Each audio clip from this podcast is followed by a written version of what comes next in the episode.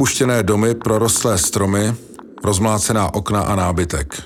Rodinné fotky pokryté zeleným mechem. Víš, kde se nacházíme? Nejsou to kulisy postapokalyptického hororu, ale město Pripyat na Ukrajině, jen tři kilometry od bývalé jaderné elektrárny Černobyl. V roce 1986 tady došlo ke katastrofě, kterou se Sovětský svaz snažil ze všech sil utajit. Proč?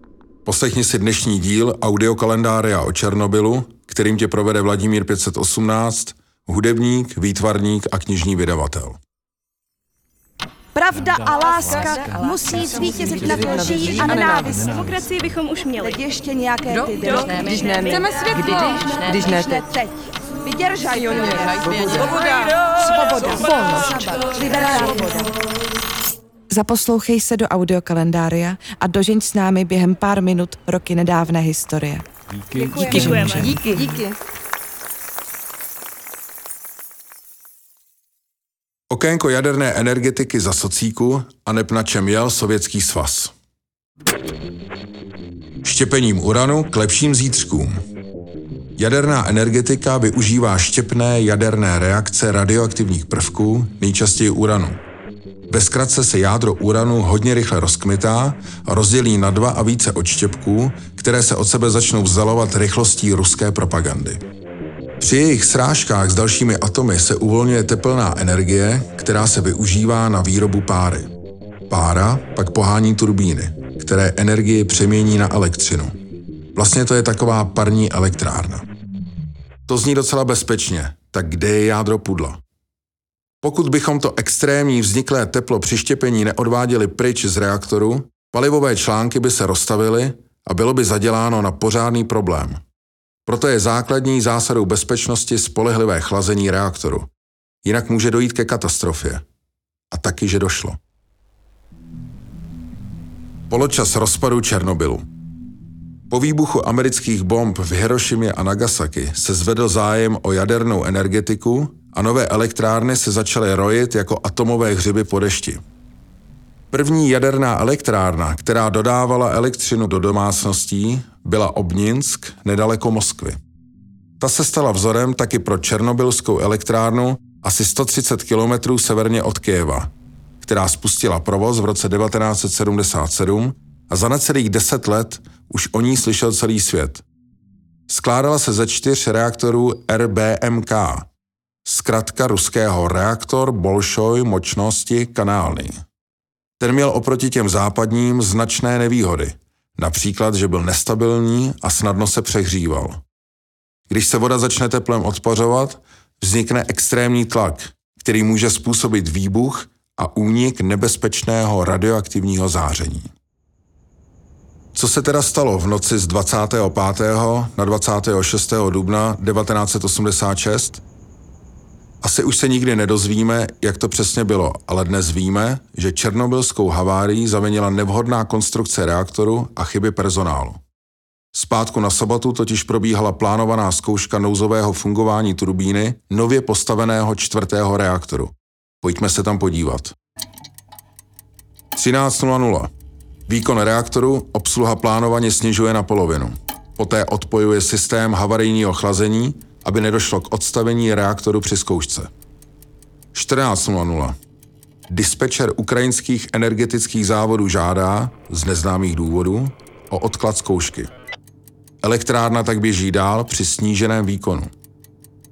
23.00. Je vydán rozkaz v pokračování zkoušky. Půlnoc.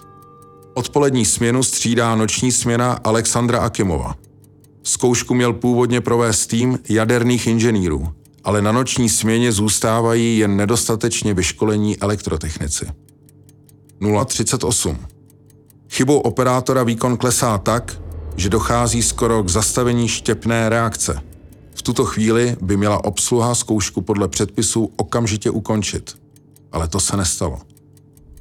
1.23. Samotná zkouška začíná uzavřením ventilu turbogenerátoru. Dochází k snížení průtoku chladící vody reaktorem a tím roste teplota i tlak. V reaktoru to začíná nebezpečně vřít. 1.23.40. Výkon náhle vzrostl až na desetinásobek konstrukčního limitu. Obsluha mačká nouzové tlačítko AZ5, kterým okamžitě aktivuje havarijní odstavení reaktoru. Ale už bylo pozdě. 1.23.47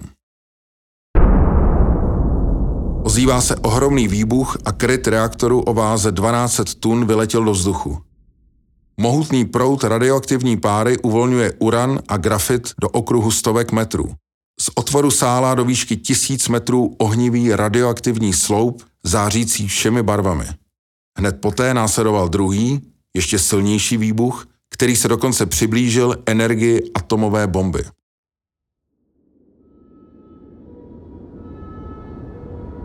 Na odklízení nebezpečného radioaktivního odpadu byly povolány desetitisíce lidí. První byli na místo přivoláni hasiči z okolních měst, kteří neměli ani tušení, že se řídí do radioaktivního pekla. 28 z nich následně zemřelo na akutní radiační syndrom. Další desítky měly doživotní následky. Dovezli nás do elektrárny. Dali nám bílý plášť a bílou čapku. Čistili jsme celý prostor. Den jsme hloubili, čistili dole, den nahoře, na střeše reaktoru. Těm, kteří pracovali nahoře, se říkalo čápy. Roboty nevydržely, technika se zbláznila, ale my pracovali. Stávalo se, že nám tekla krev z uší a z nosu. Škrábalo nás v krku, řezalo v očích. V uších nám neustále zněl monotónní zvuk. Vypověděl vojín Armen Bachtiarov. Známý je také tragický osud horníků, kteří byli povoláni vyhloubit díru na ochlazení reaktoru. V Černobylu stále hořelo magma grafitu a uranu a s kouřem se uvolňovaly radioaktivní částice.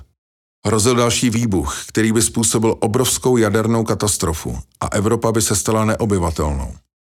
Sovětský svaz tam proto poslal na sebevražednou misi 10 tisíc odvážných horníků z Ukrajiny i z Ruska. Střídali se po 30 člených četách 24 hodin denně. Za měsíc vyhloubili 150-metrový tunel. Ani jeden z horníků se nevyhnul o záření. Ani jednou je nikdo neinformoval o reálném nebezpečí.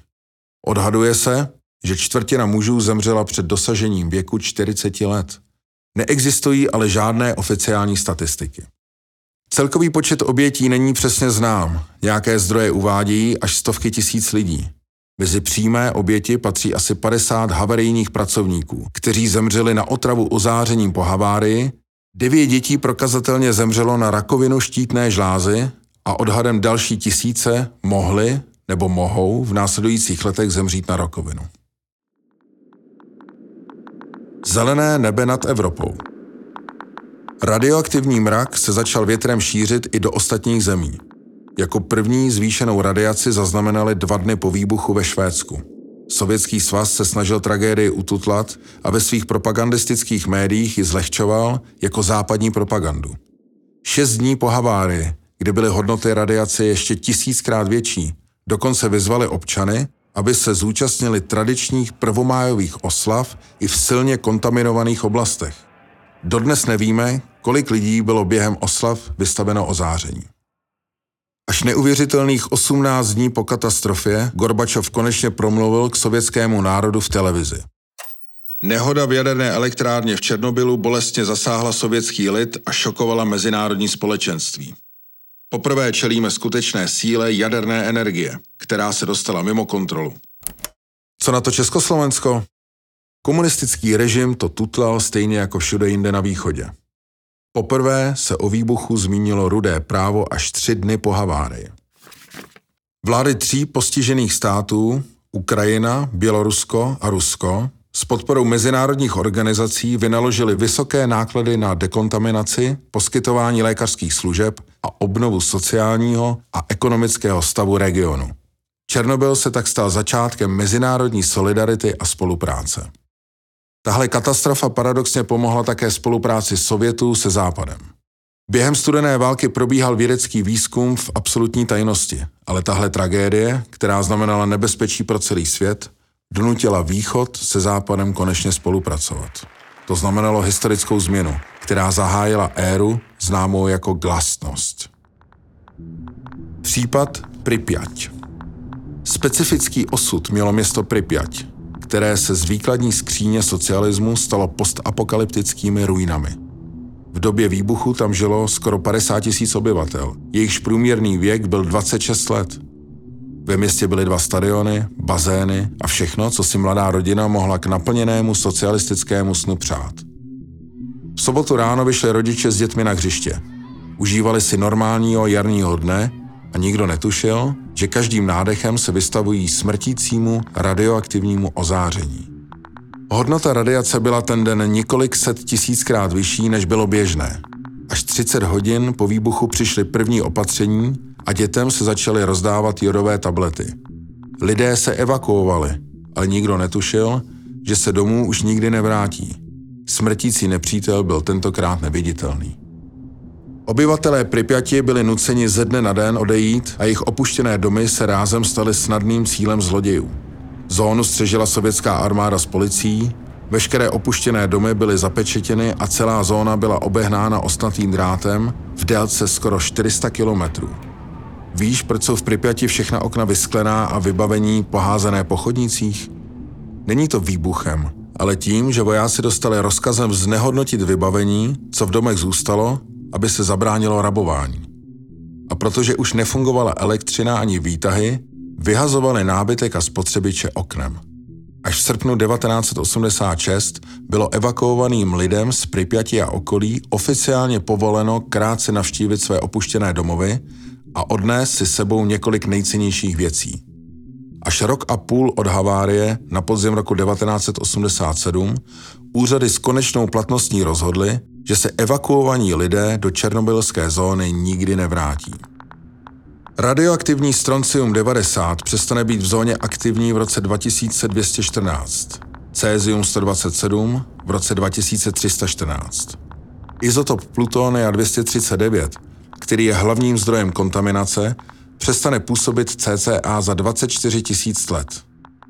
Docela by mě zajímalo, jak to našim budoucím generacím vysvětlíme. Přesto dochází v posledních letech v některých částech k jejich znovu osídlení. V místech, kde budou zjištěny nízké koncentrace radiace, bude proskoumána možnost zemědělství. Oblasti s vyššími koncentracemi budou zalesněny.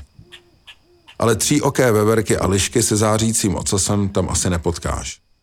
Pro srovnání, průměrné dávky u obyvatel kontaminovaných radioaktivním spadem z Černobylu jsou celkově nižší než dávky u lidí, kteří žijí v oblastech se zvýšenou přirozenou radiací v Indii, Brazílii nebo Číně. Dodatek. Po ruské invazi na Ukrajinu v únoru 2022 zabrali ruští vojáci také elektrárnu Černobyl a hladina radiace se začala opět zvyšovat. Pravděpodobně je to způsobeno převozem materiálu a nehrozí tak větší nebezpečí. Ale právě zmocnění se jaderných elektráren během válečných konfliktů představuje jedno z největších rizik jaderné energetiky. A abych nezapomněl, sláva Ukrajině! V příštím dílu tě pozveme na Majáles.